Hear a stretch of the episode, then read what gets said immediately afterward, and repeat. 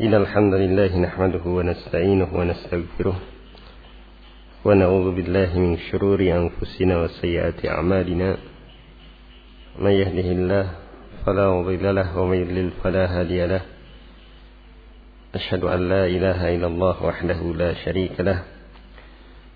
وأشهد أن محمدا عبده ورسوله لا نبي بعده. يا أيها الذين آمنوا اتقوا الله حق تقاته. ولا تموتن إلا وأنتم مسلمون. يا أيها الناس اتقوا ربكم الذي خلقكم من نفس واحدة وخلق منها زوجها وبث منهما رجالا كثيرا ونساء. واتقوا الله الذي تساءلون به والأرحام. إن الله كان عليكم رقيبا. يا أيها الذين آمنوا اتقوا الله وقولوا قولا سديدا يصلح لكم أعمالكم. ويغفر لكم ذنوبكم ومن يطع الله ورسوله فقد فاز فوزا عظيما. أما بعد فإن أصدق الحديث كتاب الله وخير الهدي هدي محمد صلى الله عليه وآله وسلم وشر الأمور محدثاتها فإن كل محدثة بدعة وكل بدعة ضلالة وكل ضلالة في النار بعد.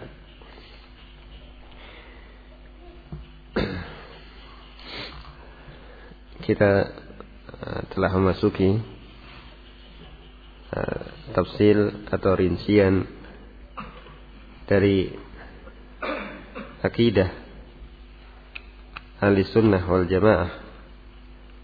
Akidah yang dengannya al-muallif uh, Syekhul Islam al-Mujaddid Syekh Muhammad ibn Abdul Wahab menisbatkan dirinya. Bahwa apa yang beliau yakini ya sebagaimana yang diyakini oleh uh, Ahlussunnah wal Jamaah Al-Taifah Al-Mansurah di mana yang pertama dari apa yang diyakini yang diimani oleh Ahlussunnah wal Jamaah keimanan kepada Allah Subhanahu wa taala. Dan keimanan kepada Allah Subhanahu wa taala meliputi empat perkara. Baik meliputi empat perkara. Yang pertama al-iman biwujudillah. Mengimani keberadaan Allah Subhanahu wa taala. Keimanan yang pertama ini, iman akan adanya Allah Subhanahu wa taala ya. Perkara yang diakui oleh seluruh makhluk yang mukmin maupun yang kafirnya. Kecuali orang-orang yang sudah rusak akalnya. Ya. Kalau nah, di masa kita ya dikenal dengan orang-orang syu'i orang-orang syu'i orang-orang ateis. Ya mungkin kalau di negeri kita dikenal dengan orang-orang PKI ya. Taib. tidak percaya akan adanya Allah Subhanahu wa taala. Ini semua menunjukkan akan rusaknya akal mereka Kemudian jenis keimanan yang kedua terkait dengan iman kepada Allah adalah iman akan rububiyah Allah Subhanahu wa taala terhadap seluruh alam. Bahwa seluruh alam ya, merupakan ciptaan Allah. Seluruhnya milik Allah dan seluruhnya di bawah pengaturan Allah Subhanahu wa taala.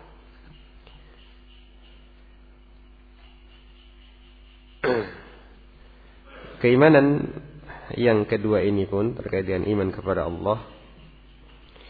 Ya, perkara yang juga telah diakui oleh orang-orang kafir. Ya, sebagaimana keadaan orang-orang musyrikin Quraisy. Sebagaimana Allah Subhanahu wa taala beritakan. Wala in sa'altahum man khalaqahum la yakulunna Allah. Jika engkau tanya mereka, yakni orang-orang musyrikin, siapa yang menciptakan mereka? Maka mereka pasti akan menjawab Allah.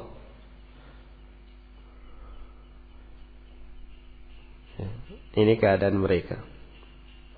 Oleh karenanya, iman dalam perkara rububiyah ya, sebatas ini saja belum menjadikan seorang sebagai muslim. Oleh karenanya Nabi Shallallahu Alaihi Wasallam tetap memerangi orang-orang musyrikin Quraisy. Meskipun mereka mengakui rububiyah Allah Subhanahu wa taala terhadap semesta alam ini.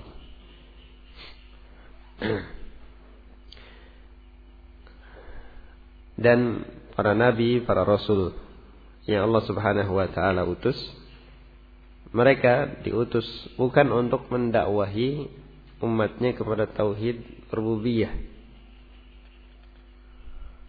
Bukan mendakwahi mereka untuk mengakui tauhid rububiyah. Dan jika kita perhatikan dakwah-dakwah yang ada dari dakwah selain ahli sunnah wal jamaah ya, tidak melampaui dari ajakan kepada tauhid rububiyah. Ya, padahal perkara tersebut perkara yang telah diakui oleh kaum manusia. Ya, di dalamnya orang-orang kufar, orang-orang musyrik. Dan itu bukan dakwah yang diserukan oleh para nabi dan para rasul. Sebagai contoh misalnya firqah tabligh. Ya, mereka baik seandainya pun menyerukan dakwah tauhid ya kami juga mengajak ya berdakwah kepada tauhid jika dicermati maka yang mereka ajarkan adalah tauhid rububiyah ya, kita harus mengakui kebesaran Allah ya kita keluarkan kebesaran diri kita dari hati hati kita. Ya, kita isi dengan kebesaran Allah. Demikian pula da'watu ikhwanul muslimin. Ikhwanul muslimin seruan ajakan yang diserukan oleh mereka juga sebatas tauhid ar-rububiyah apa yang dikenal dengan tauhid hakimiyah? Yang ini juga diserukan oleh kelompok khawarij yang lainnya selain ikhwanul muslimin. Ya NII ataupun yang lainnya. Ini pun bagian dari tauhid ar-rububiyah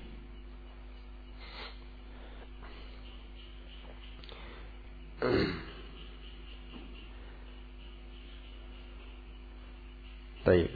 Jadi sekali lagi para nabi, para rasul tidaklah diutus oleh Allah Subhanahu wa taala untuk mendakwahkan tauhid rububiyah. Dikarenakan perkara ini perkara yang telah diakui oleh uh, umatnya. Tetapi yang diserukan oleh mereka ya adalah tauhid al-uluhiyah. Uh, mentakrir tauhid ar-rububiyah untuk mengilzam mereka ya memaksa mereka untuk mengakui uluhiyah Allah Subhanahu wa taala. Ya. Sehingga dikenal istilah di kalangan para ulama bahwa tauhid ar-rububiyah ya mustalzimun li tauhid al-uluhiyah. Bahwa tauhid rububiyah ini mustalzim menuntut untuk adanya tauhid al-uluhiyah. Maknanya jika seorang telah meyakini bahwa Allah Subhanahu wa taala yang telah menciptakannya dan menciptakan seluruh alam semesta ini yang mengaturnya dan mengatur seluruh alam semesta ini yang memilikinya dan memiliki seluruh alam semesta ini Tidak ada yang menjadi sekutu bagi Allah di dalam perbuatan-perbuatannya ini. Jadi mencipta, mengatur, memelihara, ya, memiliki. Maka semestinya jika mereka mengakui ini, mengharuskan untuk mereka mengakui jika demikian berarti tidak ada yang menjadi sekutu bagi Allah Subhanahu wa taala dalam hak untuk diibadahi. Sebagaimana tidak ada yang menjadi sekutu baginya dalam rububiyahnya.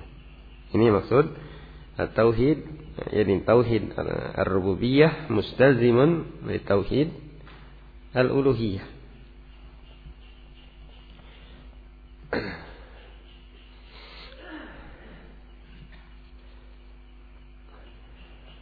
Kemudian yang ketiga dari keimanan kepada Allah Subhanahu wa taala adalah mengimani uluhiyah Allah Subhanahu wa taala.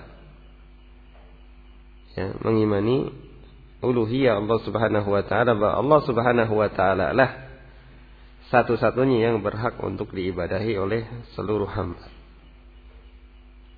Dan inilah inti dakwah dari seluruh nabi dan rasul yang Allah Subhanahu wa taala utus. Dan demikian juga inti dakwah dari para pengikut mereka. Dalam perkara inilah dari tauhid al-uluhiyah ya, terbagi manusia menjadi mukmin dan kafir.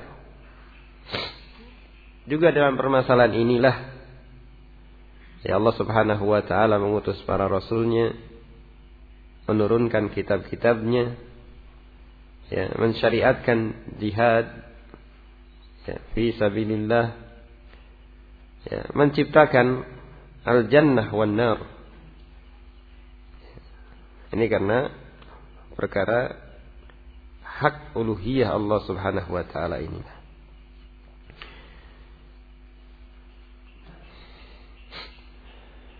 Jadi terjadinya khusumah, perselisihan, permusuhan antara para nabi dengan umatnya tidak lain dalam permasalahan apa? Tauhid al-uluhiyah.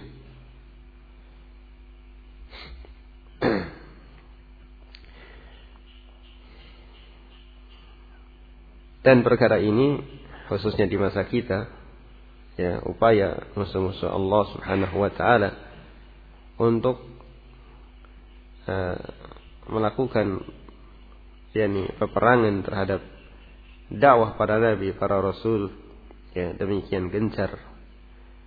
Ya. Di antara upayanya adalah untuk umat dipaksa mengakui bahwa bukan hanya Islam tapi agama yang benar yang diterima di sisi Allah Subhanahu wa taala. Ya, dengan kemasan baru dakwah mereka yang dikemas ya kalau sebelumnya dengan uh, jaringan liberal sekarang menamakan dirinya dengan jaringan Islam Nusantara. Ini di antara upaya pendangkalan akidah, ya, upaya untuk uh, menentang dan melakukan peperangan terhadap dakwah para nabi dan para rasul secara khusus Rasul yang terakhir Nabi kita Muhammad sallallahu alaihi wasallam yang Allah Subhanahu wa taala utus ya dari kalangan Arab ya tetapi beliau diutus untuk seluruh alam bahkan termasuk di dalamnya bangsa jin ya. kemudian keimanan yang keempat adalah keimanan kepada nama-nama sifat-sifatnya dan perbuatan-perbuatannya. Ya. Mengakui, mengimani kemaasaan Allah Subhanahu wa taala dalam perkara-perkara ini sebagaimana kemaasaan Allah ya dalam perkara-perkara yang sebelumnya. Allah Subhanahu wa taala memiliki nama-nama demikian pula sifat-sifat dan perbuatan-perbuatan yang berbeda dengan nama-nama yang ada pada makhluk, sifat-sifat yang ada pada makhluk, demikian juga perbuatan-perbuatan yang ada pada makhluk.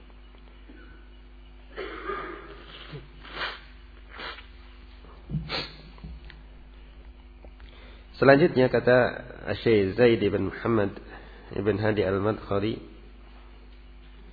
rahimahullahu taala. فأما الإيمان بوجود الحي القيوم فالحمد لله المسلمون يؤمنون بوجود خالقهم وبارئهم بل حتى الكفار يؤمنون بربوبيته Adapun kaitan yang keimanan akan keberadaan zat yang maha hidup Al-Hayy nama di antara nama-nama Allah Subhanahu wa taala. Ya. Demikian juga Al-Qayyum, Al-Hayy yakni zat yang maha hidup. Al-Qayyum zat yang tegak berdiri sendiri, tidak butuh kepada yang lainnya dan justru dialah yang menegakkan yang lainnya. Di mana yang lainnya semua yang selain Allah Subhanahu wa taala seluruh makhluk Allah butuh kepada Allah Subhanahu wa taala. Dua nama ini adalah eh, nama-nama di antara nama-nama Allah yang telah Allah Subhanahu wa taala beritakan sebagaimana di dalam ayat yang dikenal dengan ayat kursi Allahu la ilaha illa huwal hayyul qayyum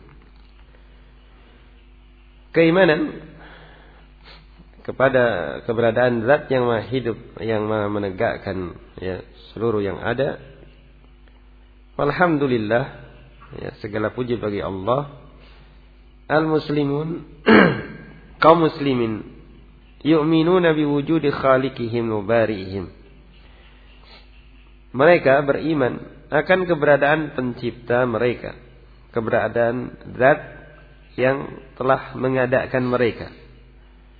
Dan uh, penciptaan makhluk ini secara khusus, yakni penciptaan diri-diri kita, ya, adalah nikmat awal yang Allah Subhanahu wa taala karuniakan kepada kita.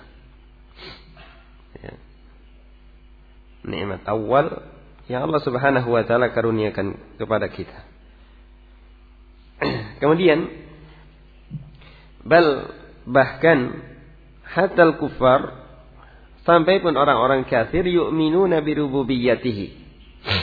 Mereka orang-orang kafir pun beriman akan rububiyah Allah Subhanahu wa taala terhadap seluruh alam ini termasuk ya dalam cakupannya mereka. Lakinnal muslimina jama'u fi imanihim baina anwa'it tauhid kulliha. Akan tapi kaum muslimin mereka menggabungkan, mengumpulkan dalam keimanan mereka baina anwa'it tauhid kulliha. Ya, menggabungkan seluruh jenis tauhid.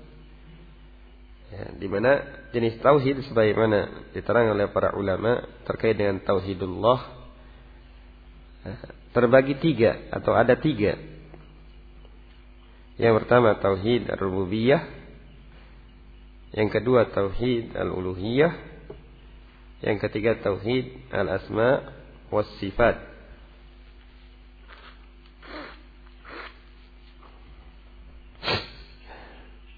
Adapun datangnya pembagian ini sendiri ya adalah sebagai yakni suatu hasil tetabbu wal istiqra ya yang dilakukan oleh para ulama ya, umat ini.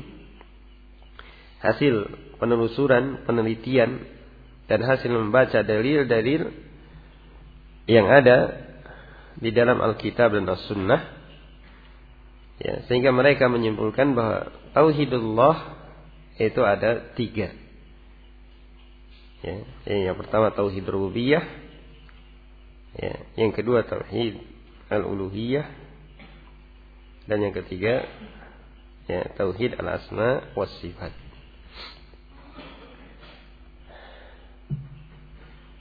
Dan jika kita perhatikan maka dalil-dalil yang ada dalam kitab Allah dan as-sunnah menunjukkan yang demikian. Bahkan Allah Subhanahu wa taala uh, telah mengumpulkan ya tiga jenis tauhid tersebut dalam satu surat yakni surat Al-Fatihah. Ya. dan demikian juga bahkan dalam satu ayat ya dalam satu ayat yang ada dalam surat Maryam. Pada surat Al-Fatihah ya, pada firman Allah Subhanahu wa taala alhamdulillahi rabbil alamin. Maka pada ayat ini dalil tentang tauhid al-uluhiyah dan tauhid ar-rububiyah. Kemudian Ar-Rahmanir Rahim ya, dalil tentang tauhid al-asma was sifat Demikian juga Maliki Yaumiddin. Ini dalil tentang tauhid ar-rububiyah. Demikian juga al-asma was sifat. Ya. Kemudian iyyaka na'budu wa iyyaka nasta'in. Ini dalil tentang tauhid apa? Al-uluhiyah. Ya. Tauhid al-uluhiyah. Adapun ayat pada surat Maryam yang di sana Allah Subhanahu wa taala menggabungkan menyebutkan tiga jenis tauhid yaitu ada firman-Nya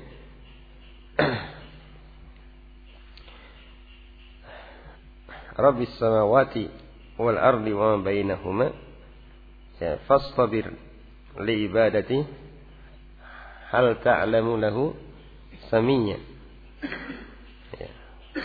Rabbus samawati wal ard Dialah Allah Subhanahu wa taala Rabb seluruh langit dan bumi.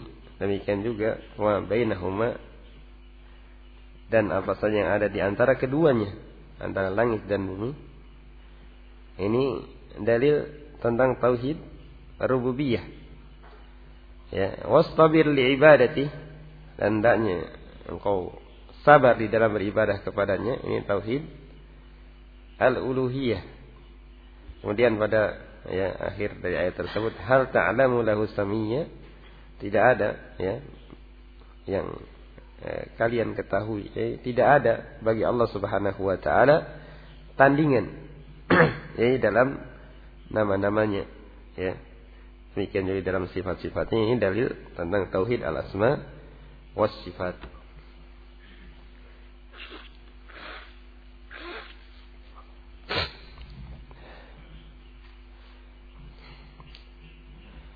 Jadi kaum muslimin mereka menggabungkan dalam keimanan mereka kepada Allah Subhanahu wa taala seluruh jenis tauhid. Wal kuffarul Arab alladzina aqarru bi rububiyyatillah wa lam yukirru bi uluhiyyatihi. Adapun orang-orang kufar Arab yang mereka itu mengakui akan rububiyah Allah Subhanahu wa taala. Akan tapi mereka tidak mengakui kemaesaan Allah dalam uluhiyahnya, dalam hak untuk diibadahi. Ma adkhalahum iqraruhum birrububiyyati fil islami abada. Maka tidaklah pengakuan mereka orang-orang kufar Arab terhadap rububiyah Allah Subhanahu wa taala terhadap semesta alam ini ya tidaklah memasukkan mereka ke dalam Islam selama-lamanya. Baik. Dengan demikian ya, sebagaimana telah disebutkan bahwa dakwah-dakwah ya, yang ada pada selain ahlus sunnah ya, seandainya pun mereka mengaku berdakwah kepada tauhid kenyataannya tidak lepas dari sebatas tauhid apa? Ar-rububiyah.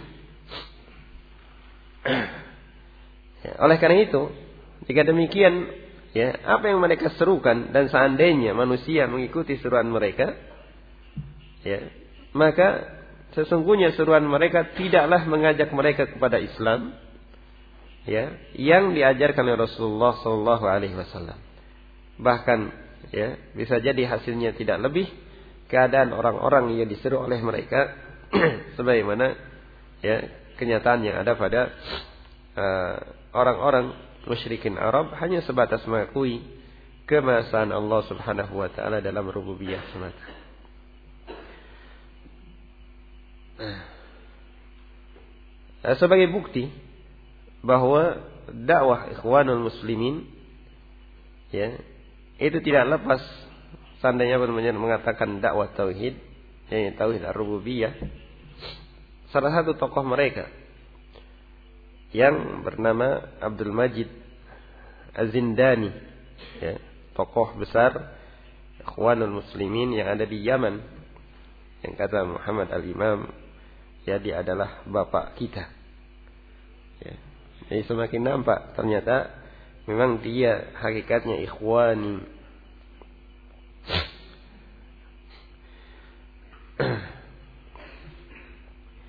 dia memiliki satu karya tulis yakni Abdul Majid Az-Zindani ya memiliki satu karya tulis yang ya, diberi judul oleh dia sebagai yakni kitab Al-Iman.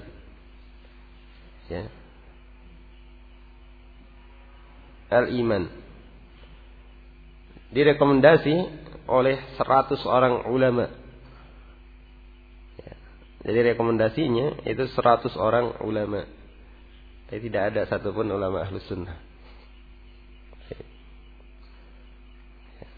Tidak ada di situ Syekh Ibnu Utsaimin, Syekh Ibnu Baz, Ya. Demikian juga para ulama yang hidup di masa uh, itu dari kalangan ulama ahlus sunnah. Tidak ada. Jadi kalau dimaksud ulama ya ulamanya mereka ulama ikhwaniyin. Isi dari kitab yang ditulis tersebut ya penjelasan panjang lebar tentang permasalahan tauhid rububiyah. Ya. Ini semua menunjukkan kepada kita ya hakikat yang sesungguhnya dari dakwah ikhwanul muslimin dalam permasalahan eh, tauhid ataupun akidah mereka hanya mendakwahkan tauhid ar-rububiyah.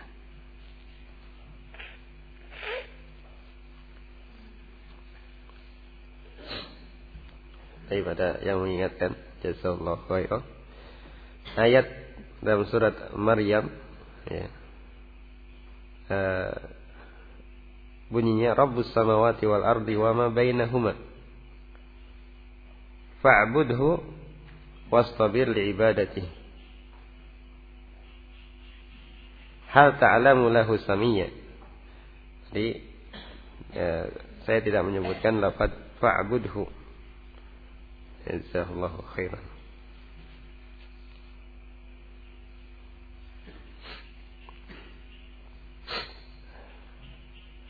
fa'budhu wastabir li ibadati.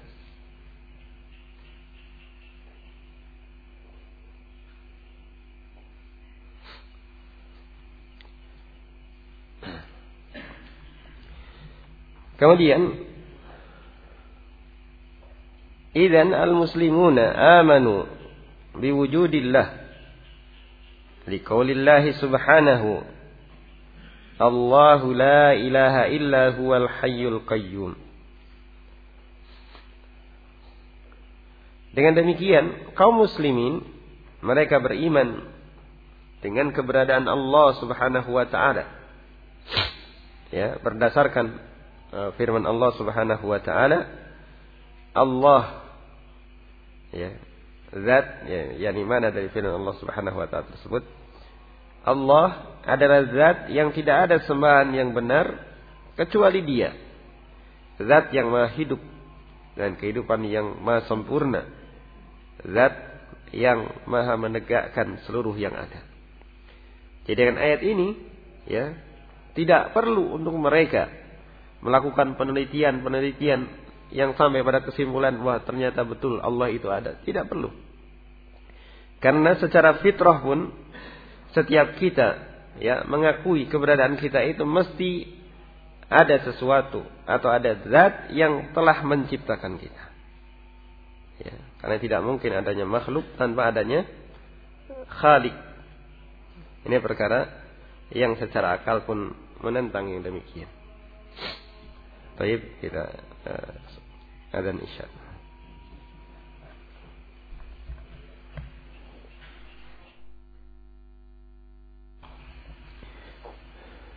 Kemudian wa amanu bi rububiyyatihi dan mereka kaum muslimin beriman dengan rububiyah Allah Subhanahu wa taala. Liqaulihi azza sya'nuh berdasarkan yang difirmankan oleh zat yang maha mulia urusannya. Allah menyatakan Allahu khaliqu kulli syai' wa huwa ala kulli syai'in wakil. Allah adalah pencipta segala sesuatu. Wa huwa ala kulli syai'in wakil. Dan dialah zat yang maha mengurusi segala sesuatu. Sebagaimana diketahui dan dijelaskan oleh para ulama di antara mereka Al-Imam Ibnu Utsaimin rahimahullah bahwa e, mana rububiyah ini meliputi tiga perkara yakni al-khalq ya wal milk atau wal mulk wat tadbir. Penciptaan kepemilikan dan pengaturan. Jadi Allah Subhanahu wa taala adalah pencipta seluruh alam semesta. Allah adalah pemiliknya. Allah lah pengaturnya. Jadi tidak ada sesuatu pun di luar ciptaan Allah ya dan tidak ada sesuatu pun yang itu di luar milik Allah dan tidak ada sesuatu pun yang bisa keluar dari pengaturan Allah. Pada ayat ini Allah menyebutkan Allahu khaliqu kulli syai. Ini dalil tentang tauhid ar-rububiyah. Karena Allah menyatakan Allah lah pencipta segala sesuatu. Kemudian wa qawluhu atau wa qawlihi dan juga berdasarkan firman-Nya, "Wa qala rabbukum ud'uni astajib lakum." Innal ladzina yastakbiruna an ibadati sayadkhuluna jahannama dakhirin.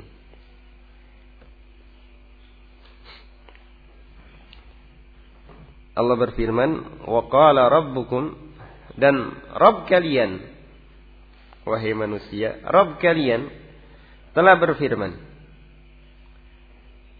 Ya, ini dalil tentang tauhid rububiyah. Dan Rabb kalian. Ya, dia Allah Subhanahu wa taala Rabb kalian. Allah menyatakan ud'uni astajib lakum. Berdoalah kalian semua kepadaku yakni kepada Allah. Astajib lakum. Niscaya aku akan mengijabahi apa yang menjadi permintaan kalian. Ini perintah dari Allah Subhanahu wa taala kepada kita semua untuk berdoa langsung kepada Allah Subhanahu wa taala, jangan cari perantara-perantara. Ya. Dan ini dari yang sangat tegas yang membantah syubhat-syubhat Eh, orang-orang musyrikin ya yang sebagian mereka menisbatkan sebagai muslimin yang datang ke sana kemari mencari kuburan-kuburan yang dianggap kuburan orang soleh yang mereka jadikan sebagai perantara yang menurut mereka kalau tidak dengan itu ya tidak mungkin apa yang menjadi kebutuhan mereka akan dipenuhi oleh Allah. Ya Kemudian mereka memberikan ibarat-ibarat. Demikian ya, keadaan orang-orang yang jauh dari agama karena malas menghafal dalil mereka ya pakainya ibarat-ibarat. Ini juga kebiasaan para kiai, ya. biasanya pakai ibarat-ibarat. Ya. Ibaratnya kalau kita itu ya, punya kebutuhan kepada penguasa, ya, kalau kita tidak dikenal oleh penguasa, ya tidak mungkin kita akan dikabulkan. Maka harus cari ya orang yang dikenal oleh penguasa, orang dekat Ya, kalau bisa tim suksesnya. Ya, Baik. Karena ya, ketika mereka berpaling dari agama ini jatuh kepada kerusakan, ya, menggambarkan Allah Subhanahu wa taala seperti makhluknya. Oleh karena itu, pada perbuatan mereka tergabung ya bentuk kesyirikan ya di dalam uluhiyah sebagaimana mereka berbuat kesyirikan dalam al-asma was sifat ya. Syirik di dalam al-asma was sifat menggambarkan Allah Subhanahu wa taala seperti keadaan makhluk. Siapa di antara makhluk yang tidak diketahui oleh Allah Subhanahu wa taala? Ya bahkan seandainya yang ditegaskan oleh Syekh Al-Albani rahimahullah seandainya Allah Subhanahu wa taala ya, zat yang pengasih penyayang ya diibaratkan oleh mereka dengan pemimpin yang paling adil.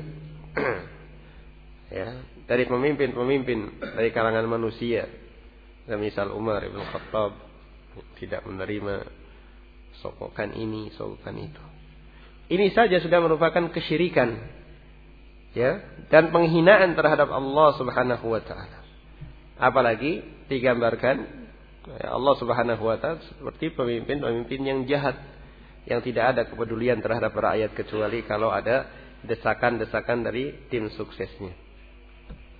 Baik. Yang bisa dilihat keterangan beliau dalam kitab At-Tawassul Ahkamuhu wa Anwa'uhu.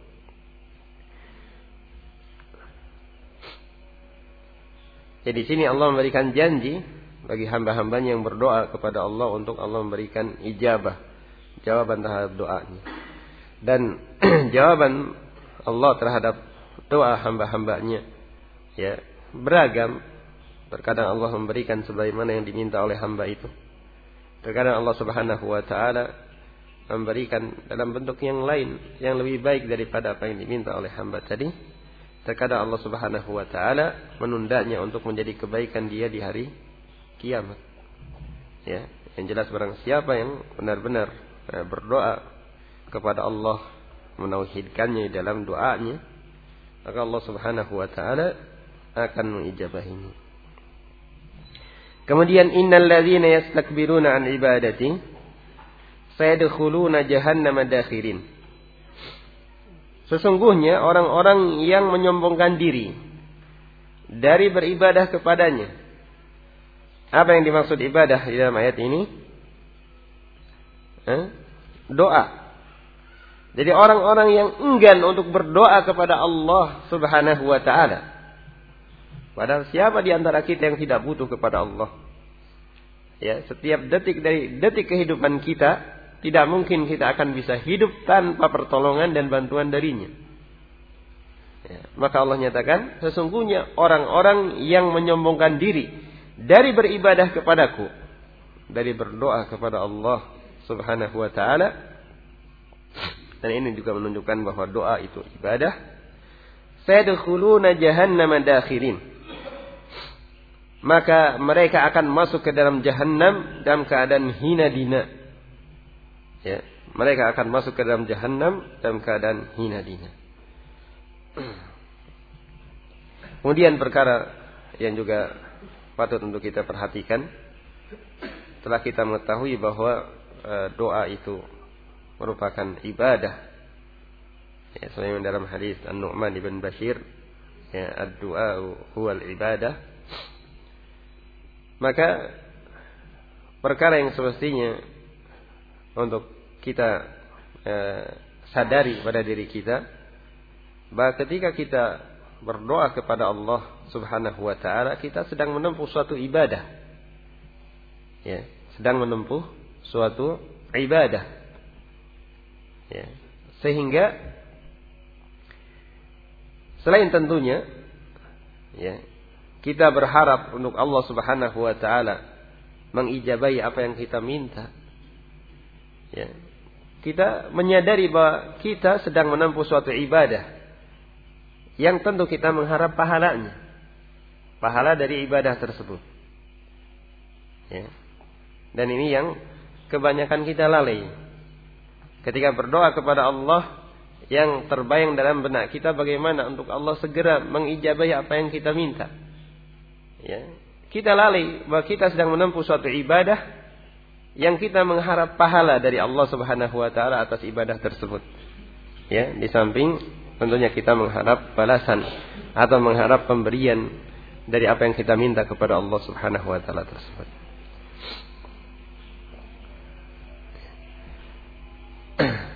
Ini yang uh, perlu untuk ya, menjadi sesuatu yang kita ingat bahwa kita dalam berdoa kepada Allah Subhanahu wa taala kita sedang menempuh suatu ibadah yang hendaknya betul-betul kita berharap pahala atas ibadah yang kita lakukan tersebut.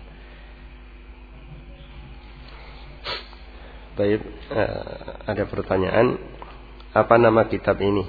Eh, apa makna kitab ini Qatful Jana Al-Mustatab? Maknanya ya kurang lebih qatf yaitu memetik atau memanen al-jana ya yakni panenan al-mustatab yang bagus yang ranum ya. Itu maknanya. Wallahu a'lam. Kemudian boleh apa tidak seseorang menggambar makhluk bernyawa dalam rangka untuk mempelajari tentang ilmu kesehatan? Tapi dalam masalah yang yang di situ ada tuntutan hajat ya. Dan dalam hal ini tentunya secara khusus para ulama telah uh, menunjukkan hal yang demikian. Maka kita mengikuti bimbingan mereka sebagaimana misalnya dalam masalah uh, ilmu kesehatan. Jika adanya gambar makhluk ini dibutuhkan ya maka di, dilakukan sesuai kebutuhan misalnya dalam kedokteran ya butuh adanya uh, gambar uh, makhluk bernyawa atau bagian organ-organ tubuh maka sebatas kebutuhan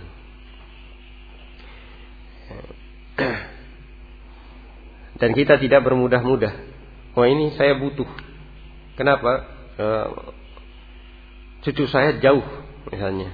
Saya butuh untuk melihat gambarnya, kabarnya katanya cucu saya sudah lahir. Minta tolong dikirim gambarnya lewat WA. Ini bukan kebutuhan yang dibenarkan oleh syariat. Ya, jadi diperhatikan nama ini kita tidak boleh bermudah-mudahan dalam uh, perkara yang kemasannya diharamkan oleh Allah Subhanahu wa taala ini kecuali karena adanya darurat atau adanya hajat semisal untuk data-data yang terkait dengan uh, pemerintah atau kenegaraan ya, maka kita melakukannya sebatas hajat. Wallahu taala alam. Ini mungkin yang bisa saya sampaikan pada kesempatan ini. Subhanakallah bihamdik. Asyhadu an la ilaha illa anta astaghfiruka